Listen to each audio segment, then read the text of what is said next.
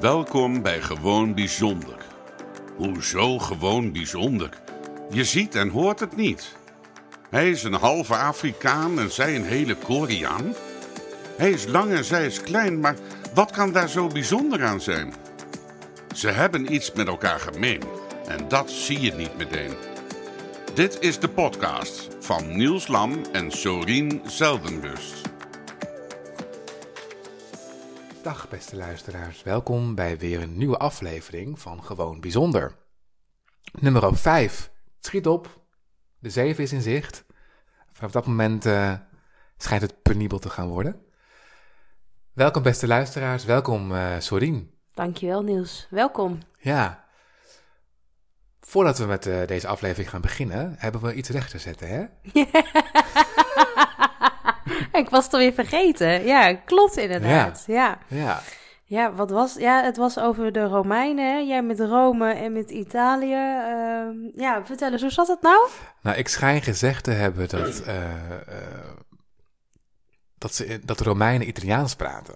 Ja, klopt. Want ik legde de link met Romeinen en Rome. En Rome ligt in Italië. En daar praten ze Italiaans. Ja.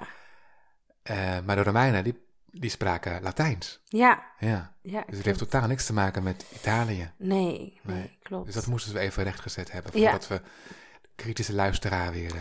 Ja, misschien ook nog goed uh, het stukje geschiedenis waar we het over hadden. Ik noemde mm -hmm. de Wopka. Mm -hmm. Maar de Wopka kwam dus later. Ja. Um, waar jij het over had, hè, in 1956, was mm -hmm. dus het uh, Den Haagse adoptieverdrag. Mhm. Over die wet had jij, hè? Was dat niet later? Nee, het Haagse adoptieverdrag was in uh, 1956. Ja. En de WOPCA die is in 1988, als ik het okay. goed heb. Oh, ja. ik dacht dat, iets, dat, dat de Haagse weer iets in 1998 was, maar ik, ik, ik, uh, oh, wat grappig. Ja, ik kan het ook wel even ondertussen gaan opzoeken. Ja, zoek het even voor de zekerheid op, anders moeten we namelijk in aflevering 6 hier weer een rectificatie over gaan maken. En uh, ja, daarvoor hebben, we, daarvoor hebben we natuurlijk geen podcast. Om dus, elke uh, keer onze fouten uh, aan nou te ja, passen. Is wel, dat wordt wel een unieke podcast. Ja, dat is zeker Dat zo. is dan wel weer anders dan anderen hebben, hè? Um, als jij het even opzoekt, dan uh, ga ik vast even vertellen waar we het vandaag uh, over gaan hebben. Helemaal goed. En uh, druk op de bel als je het gevonden hebt, hè? Net zoals met het programma 2 voor 12 hoor Oh ja, dat is wel een goeie. Ja. Oh ja, die ga ik even in. Uh, nu ga ik op zoek ook naar een bel. Ja, dat snap ik. Nee, um, deze aflevering uh, gaan uh, ga jij en ik iets over onze eigen adoptie vertellen. Klopt. En we willen ook de luisteraars meenemen in wat adoptie voor ons beiden heeft betekend en wat het met ons heeft gedaan. Nou, dat is best wel een, een, een to-do-listje voor, de, voor het komende half uur. We gaan gewoon kijken hoe ver we komen. Nou, als we iets langer dan een half uur hebben, is dat niet zo heel erg. Nee, maar we moeten de mensen ook niet uh, in slaap praten. Nou ja. Hoewel jouw adoptieverhaal wel heel spectaculair is. Nou ja, is dat zo? ik heb trouwens uh, heb over, de, gevonden, ja, over de geschiedenis. de um, start van de wettelijke adoptie. Dat is inderdaad, Niels, daar had je gelijk in. Dat is dus in 1956. Ja. Dan had je in 1970 had je dus de interlandelijke adoptie. Ja. De WOPCA is dus in 1989 in plaats van 1988. Ja. En jij hebt inderdaad gelijk, het Haagse adoptieverdrag door Nederland is in 1998. Ja. Dus ik wil het nog wel een keer herhalen. Nee, ik denk dat mensen wel uh, hebben mee kunnen schrijven. Ja. Dus dan, uh, dan moeten ze naar Wikipedia ja. gaan kijken of zo. Ik, ik, ben heel eerlijk, ik vind geschiedenis vind ik enorm ja, saai. Ja. Dus ja, dat is iets wat ik niet in mijn hoofd krijg. Nee. nee. Dat vind ik een heel mooi bruggetje naar de, naar de geschiedenis van jouw adoptie. Nou, Zou je daar iets over willen vertellen? Dat is dus ook heel saai. ik heb er niks van onthouden. Dat is het. Nee, ik ben, um, nou ja, zoals misschien velen wel weten al, hè, ik ben geadopteerd uit Zuid-Korea. Ik denk dat ik een paar maand uh, ouder ben dan dan ja, wettelijk uh, staat geschreven. En uh, ik ben in, in het jaar 1986 ben ik naar Nederland gekomen. En hoe oud was je toen? Nou, ze zeggen dat ik drie maanden oud was. Mhm. Maar ik denk zelf persoonlijk dat ik eh, zes tot zeven maanden oud was. Als ik naar me kijk, ook in mijn Oei Ik Groei boekje. En in het boekje die we allemaal hebben gehad van de GGD. eh, staat ook in dat ik al heel vroeg kon lopen. Mhm. Dus ja. En mijn moeder zei altijd: Ja, je was overal vroeg mee. Mhm. En dan weet ik gelijk wel waar ze naar eh, doelt. Maar Je adoptiemoeder, hè? ja, Ja, ja, ja, ja, ja mijn adoptiemoeder. ja. en ehm, ja, dus dat heeft een beetje bij mij, eh, waar ik nu, nou, ik zit er niet mee. Maar het is wel iets waar ik wel eh, ja, nieuwsgierig naar ben. Ik zou wel graag willen weten wanneer ik echt nou ben geboren. ja. Dat zou ik wel willen weten. En ja, mijn stukje geschiedenis is dus, eh, ik was dus drie maanden oud. Laten we gewoon even aanhouden. Het, eh, Mhm. het welbekende verhaal wat mij ook eh, honderd keer is verteld. Ik was dus drie maanden oud. Ik ben ehm, de jongste van vier. Ik heb twee oudere broers. Dat zijn biologische kinderen van mijn ouders. En dan heb ik ook nog een zus die is ook geadopteerd. Komt ook uit Zuid-Korea. Ik ben opgegroeid in, ehm, in Groningen. Eh, onder andere in een klein dorpje in Oldenhoven. eh, toen in Bedum. Ik ben op vrij jonge leeftijd uit huis gegaan ook. Toen ben ik eh, naar de stad gegaan, naar de stad Groningen. Daar heb ik wel voor een tijdje gewoond ook.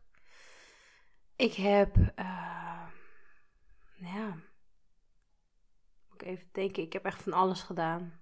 Ik ben ook naar Leeuwarden nog geweest, eh, heb ik ook nog gewoond. Hoe oud was jij toen jouw adoptieouders jou vertelden dat je eh, geadopteerd was?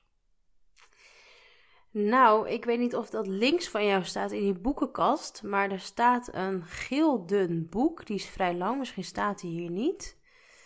Ik weet niet waar die staat, maar eh, ja, ze hadden een boek. En ja, die is het inderdaad. Oké. Ja, en daar werd ik eh, uit voorgelezen ook. Dus het is mij eigenlijk altijd verteld. Mam, wat is geadopteerd van Carol Livingstone. Ja, Oké. en ehm, ik had al wel vrij snel door op jonge leeftijd van... hé, hey, ik ben anders. Mhm. Nou, mijn ehm, ene oudste broer die zat bij de marine onder andere en ook bij andere schepen.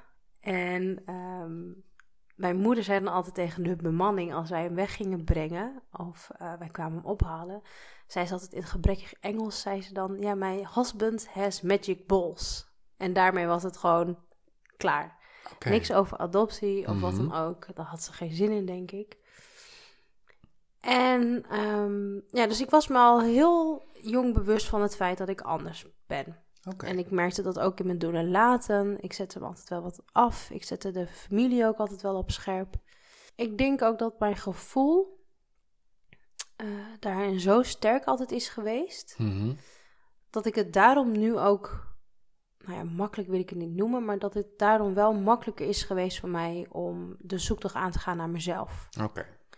Ja, en rond mijn zestiende kreeg ik ook wel eh, meer vragen over. Ben ik ook naar het film geweest, een gespreksgroep.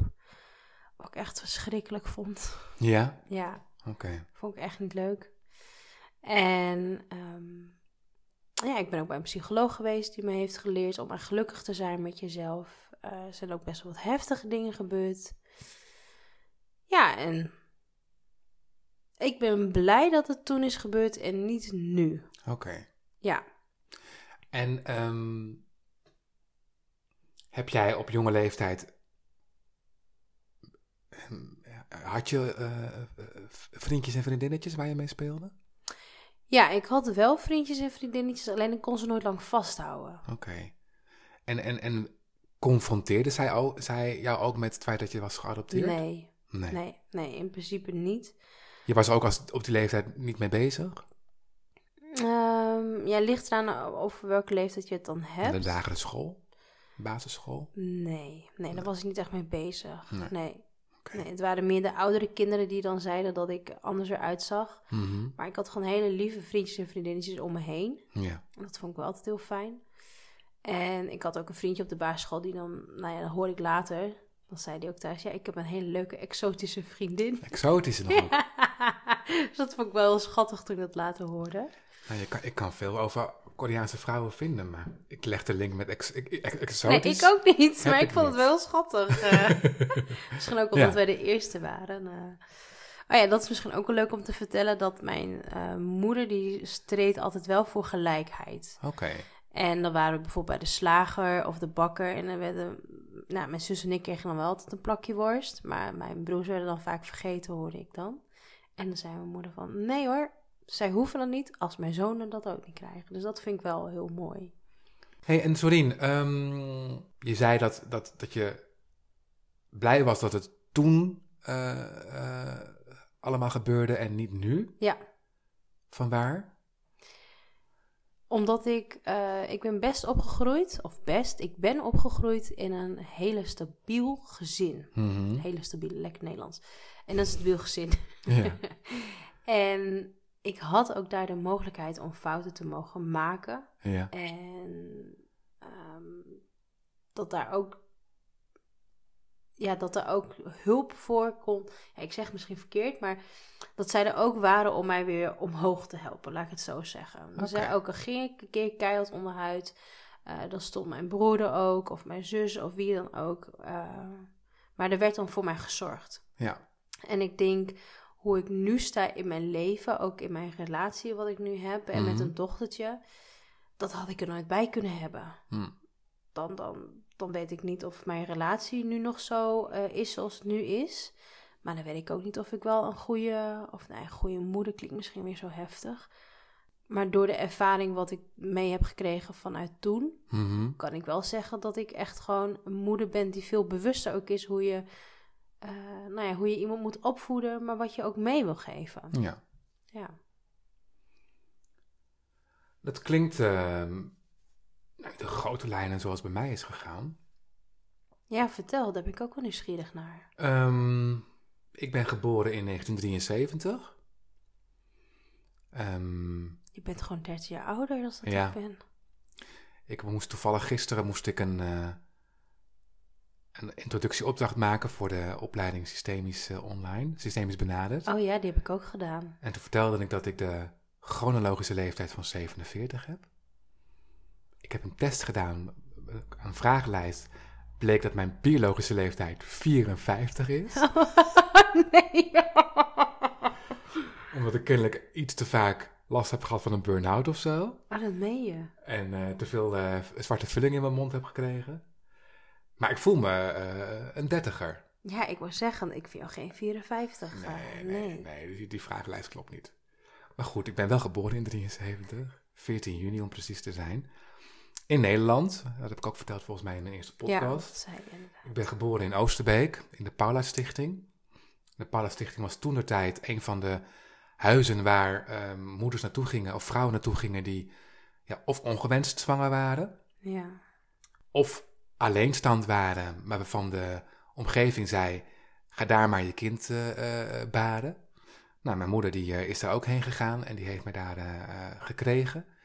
En ik ben vrij snel daarna geadopteerd door mijn adoptiefamilie in, in Noordoostpolder. Ik ben een, een- in dat gezin de jongste. Ik heb nog een oudere, oudere zus. ja, dat vertelde je al. Ja, en zij is ook geadopteerd. Ook uit Nederland, allebei uit Nederland. En ehm, ja, ik was, nou ja, ik denk een jaar of vier, vijf, dat ik op een gegeven moment wel aan mijn ouders vroeg, eh, adoptieouders vroeg van, goh, eh, hoe zit dat nou? Waar, kom ik vandaan? Want ja, ik, ik kwam in een wit gezin terecht. En ik was eh, toch wel goed bruin in, die, in, die, in die fase van mijn leven. Dus ik snapte al heel gauw van, hé, hey, hier klopt iets niet. Heb je ook altijd dat kapsel gehad? Het grappige is dat ik het haar wat ik nu heb, had ik toen ook. Oh, echt? Ja, ik ben eigenlijk gewoon alweer een aantal jaren gewoon back eh, to basic en eh, eh, gewoon mijn originele haar te hebben. Want het is ah, meer wie ik ben. Ik heb op latere leeftijd echt allerlei dingen aan mijn haar gedaan. Zoals? Om er zo Europees mogelijk uit te zien. Ik heb mijn krullen eruit gehaald. Dat het helemaal stijl was. Hing het tot hier. Had ik een soort van boblijn. Ja, ik heb, ik heb het ook afgeschoren dat het heel kort was. Maar dit is mijn, mijn originele haar. Mijn afro-kapsel, ja, dat klopt. Voor de mensen die die niet kunnen zien natuurlijk. Ze kunnen het misschien wel zien op onze logo. Ja, ja, ja, ja. Ehm, maar goed, Ehm terugkomend naar de, ja, sorry. Nou, nee hoor, dat geeft niet, dat geeft niet. dat is ik ook heb- interessant, Ja, kapsels. Ja. Ik hoorde jou trouwens zeggen over jouw moeder dat ze dan, hè, als, haar zoon, als ze jouw broer uitzwaaide, dat ze zei: My husband has magic balls. Ehm, toen mijn moeder voor het eerst met mij in eh in Lord met de kinderwagen op straat liep, dan gingen mensen natuurlijk kijken van, oh, mevrouw Lam heeft een baby. En dan keken ze in de kinderwagen en dan Ja. zagen ze me liggen. En dan keken ze mijn moeder aan zo. En dan keken ze weer terug naar mij. Met zo'n blik van, foutje. klopt niet. Klopt niet. Ja.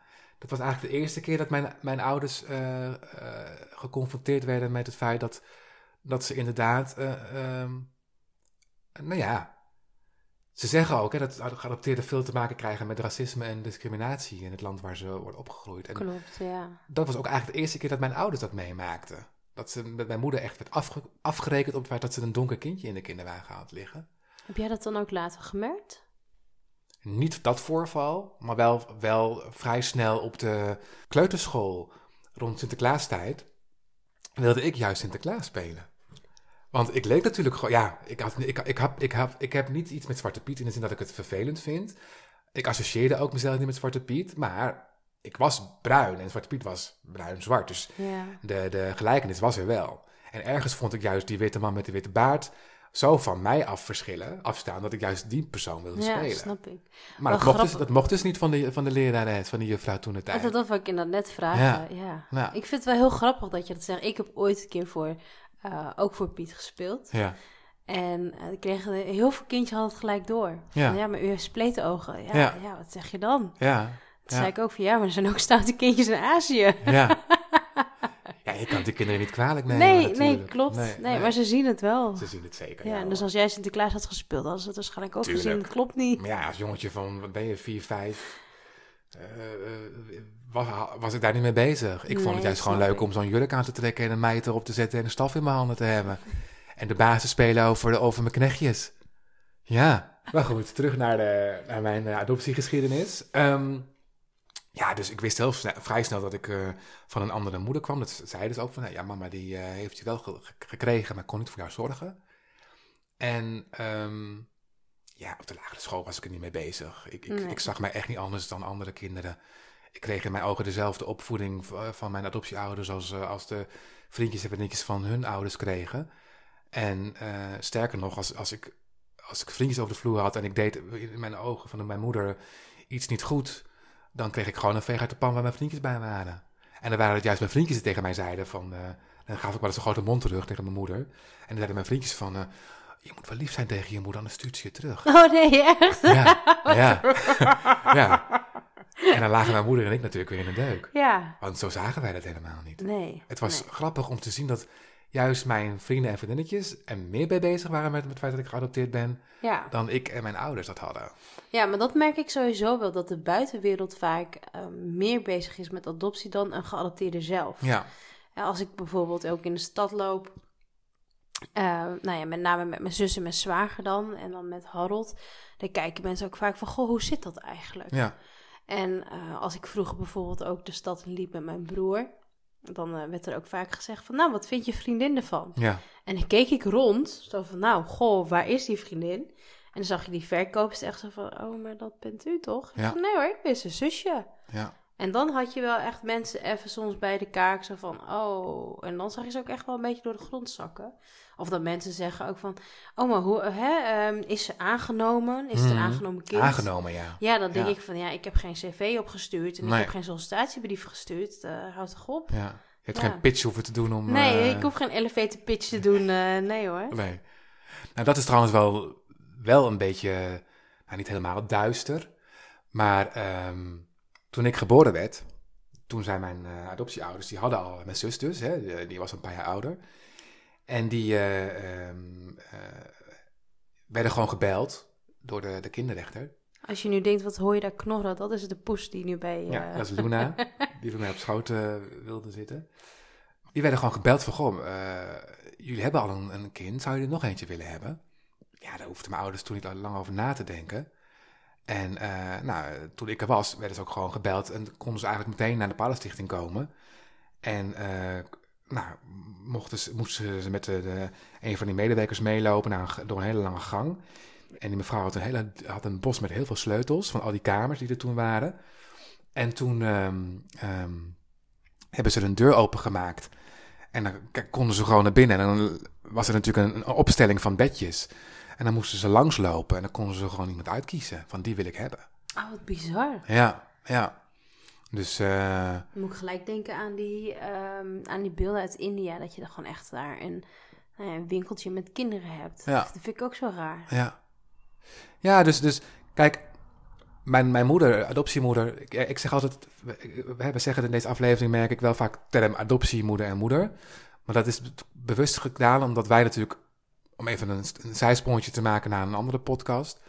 ehm, adoptiemoeder is gewoon een term, om even te verduidelijken dat dat inderdaad niet de moeder is waar je uit geboren bent. Nee. Dus als wij het over onze moeder en vader hebben, dan hebben we het over de, onze ouders die ons gemaakt hebben en de moeder die ons gedragen heeft.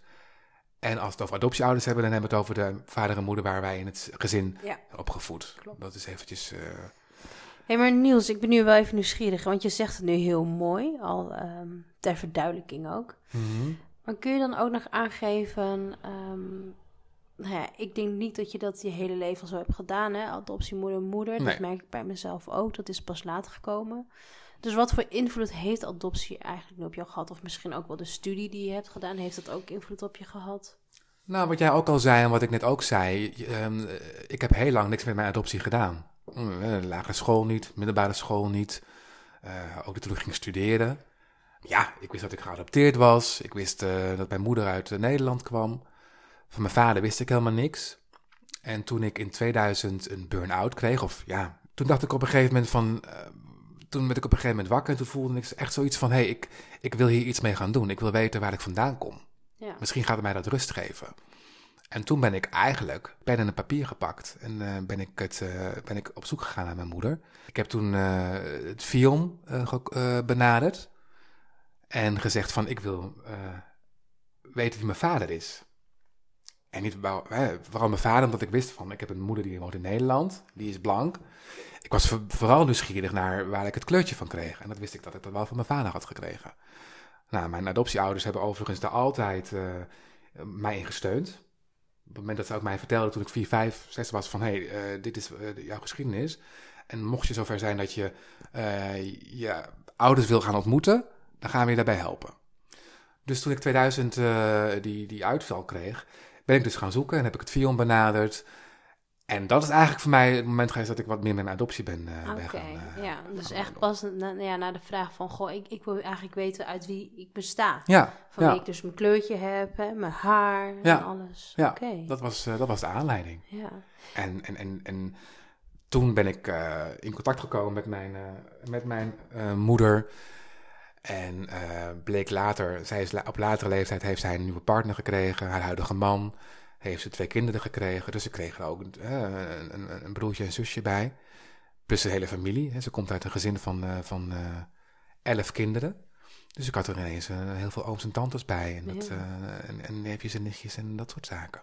Zou je ehm, nou ja, in de wetenschap wat je dan nu hebt... Mhm. en met de kennis van nu... zou je dan eerder op zoek zijn gegaan? Ehm nou, ik geloof heel erg in het feit dat, dat je systeem zelf aangeeft wanneer je ergens klaar voor bent. Ja, heb ik ook. Dus ik was niet echt niet bezig op, op, de, op de middelbare school of de lagere school met wie ik wil mijn vader of moeder ontmoeten. Eh, Ik had voor mezelf, eh, wat ik ook in het, voor mij in het eerste aflevering zei, over mijn vader een heel romantisch beeld eh, gemaakt. Hè, dat het een marinier was van Amer- uit Amerika. En dat hij naar Nederland was gekomen met, zijn, met het team. En op een feestje mijn moeder had ontmoet. Nou ja, ze waren wat onvoorzichtig, onvoorzichtig geweest en daar kwam ik uit. En dat vond ik een heel mooi sprookjesachtig verhaal. Dus, dus, en ook op de middelbare school eh, niet. Ehm, maar gaandeweg als je ouder wordt en je gaat wat, wat, wat, wat, wat ziektes krijgen... of je, je, je komt wat vaker in aanraking met de dokter of wat dan ook... dan word je wel eens gevraagd, zijn er ziektes in je familie? En ja, dan, als dat vaker gaat gebeuren... dan denk je wel eens van, hé, hey, eh, heb ik inderdaad in mijn... eh, heeft mijn vader een ziekte die ik eh, misschien heb meegekregen of mijn moeder? En ook toen ik in Amsterdam ging wonen... dan ging ik, woonde ik in Zuidoost en dan was het inderdaad van... hé, hey, eh, jij komt ook uit Suriname? En dan ging ik verhuizen van Zuidoost naar Slotermeer. En daar woonden weer wat meer Marokkaanse mensen. En dan, was het, uh, gingen ze Marokkaans tegen me praten.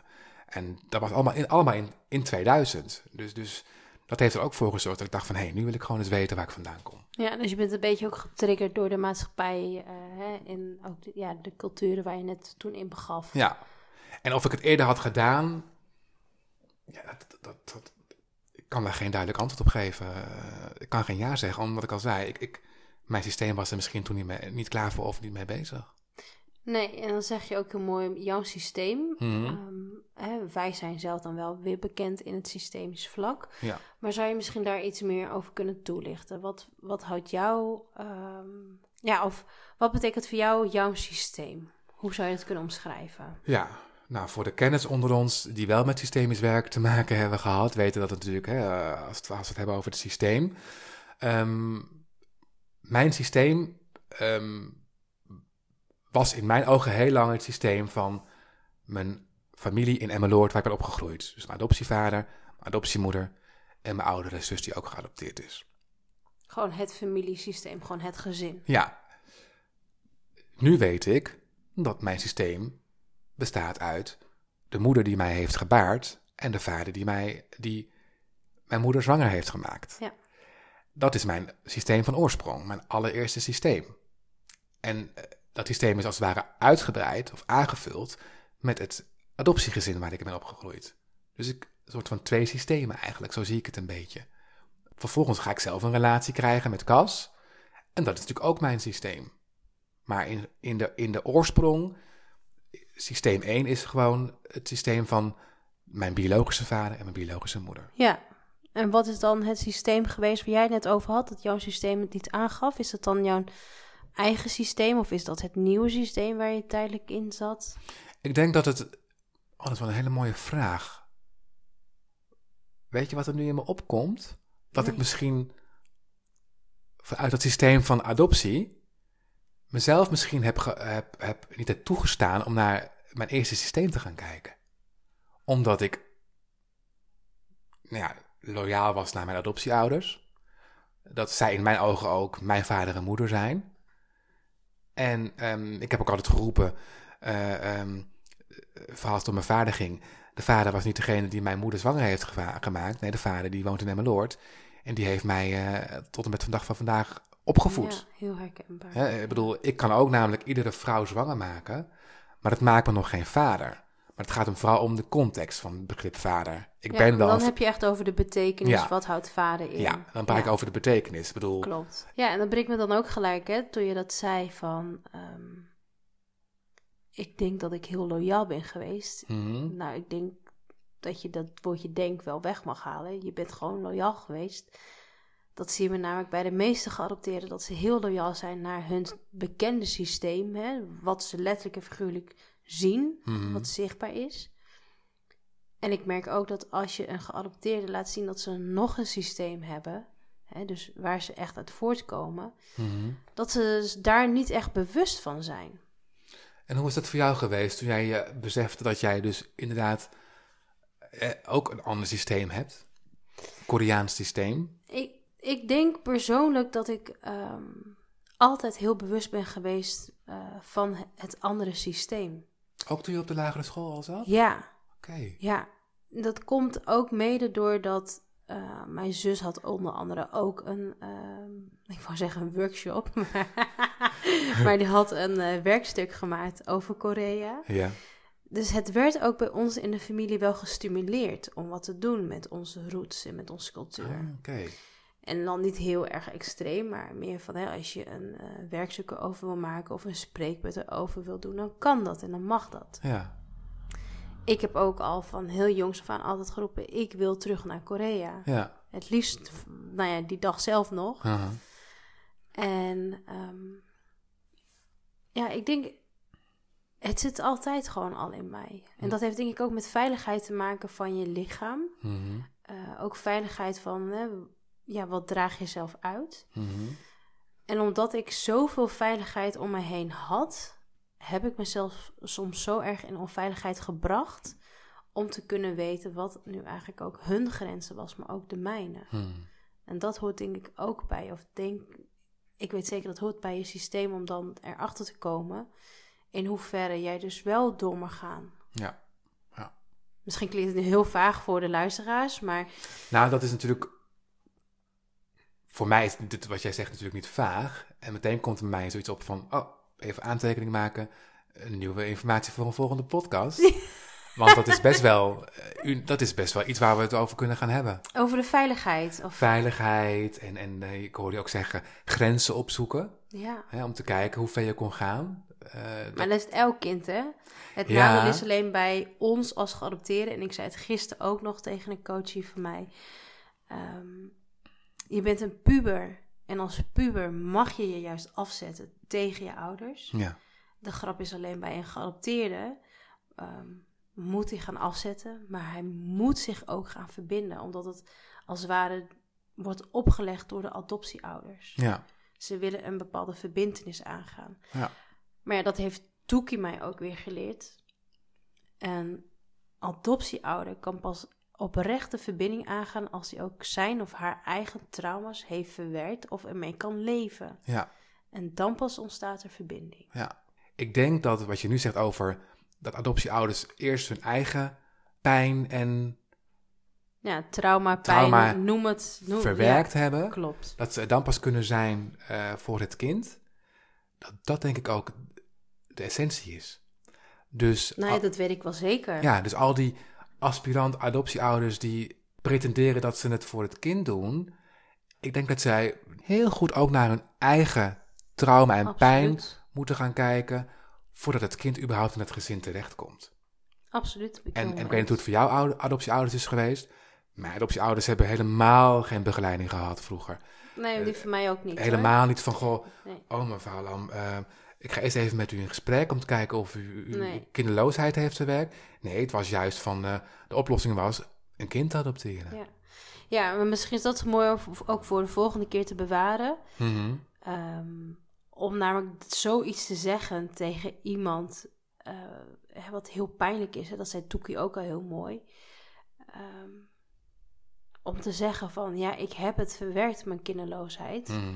Om dat te doorstaan heb je eerst jaren nog nodig. Mhm. En ik denk dat ehm, nou ja, veel adoptieouders ook zoiets hebben van... dan is het toch ook goed, dan is mijn pijn ook verwerkt, want ik heb een ander. Ja. Dus een kind neemt ook de plaats in van een niet geboren kind. ja, klopt, klopt. Ja joh, ehm, we zijn pas bij aflevering 5. We gaan in- makkelijk die zeven halen, Niels. Nou, in dit gesprek hebben we, heb ik alweer een paar kruisjes gezet. Er is zoveel te vertellen. En dat is ook de reden dat ik dit wilde gaan doen. En jou daarvoor gevraagd heb. Nee, wij, wij komen wel aan die zeven afleveringen. Ja, makkelijk, want we Ja. hebben namelijk ook alweer twee eh, nieuwe gasten, hè?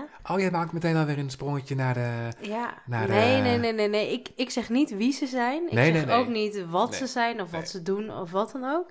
Nee. Maar ehm, dit is natuurlijk ook leuk om even te vertellen aan de mensen die luisteren. Dit is dus eh, nou ja, een beetje onze afwisseling. We hebben elkaar, waar Ja. we dus de diepgang ingaan over een onderwerp. Eh, dat onderwerp, dat merk je dus nu al, heeft heel veel bruggetjes. Ja. Hè, heel veel zijwegen. Eh, maar we hebben ook tussendoor gewoon nog weer leuke eh nou ja, podcastgasten. Ja. Heb, heb je daar een ander woord voor? Dat weet ik eigenlijk niet. Nou, we houden het gewoon op podcastgasten. Ja, de Ja. PK. Ik denk dat we, dat we deze aflevering kunnen afsluiten, uh, Sorien. Het is aan jou, Niels. Ja, dat gaan we doen. Eh eh, luisteraars, dankjewel wederom voor het luisteren naar een eh, aflevering van Gewoon Bijzonder. Sorry, nogmaals bedankt. Jij ook, Niels. Ook heel erg bedankt. En ik wens iedereen al het goeds. Dit was de podcast van Gewoon Bijzonder. Niels en Sorien horen graag wat je van de podcast vindt. Wil je een review achterlaten of wil je iets delen? Je kan ze vinden op Instagram, Facebook en hun eigen website gewoonbijzonder.nl. En als je daar dan toch een kijkje neemt, volg, like en deel deze podcast. Dankjewel.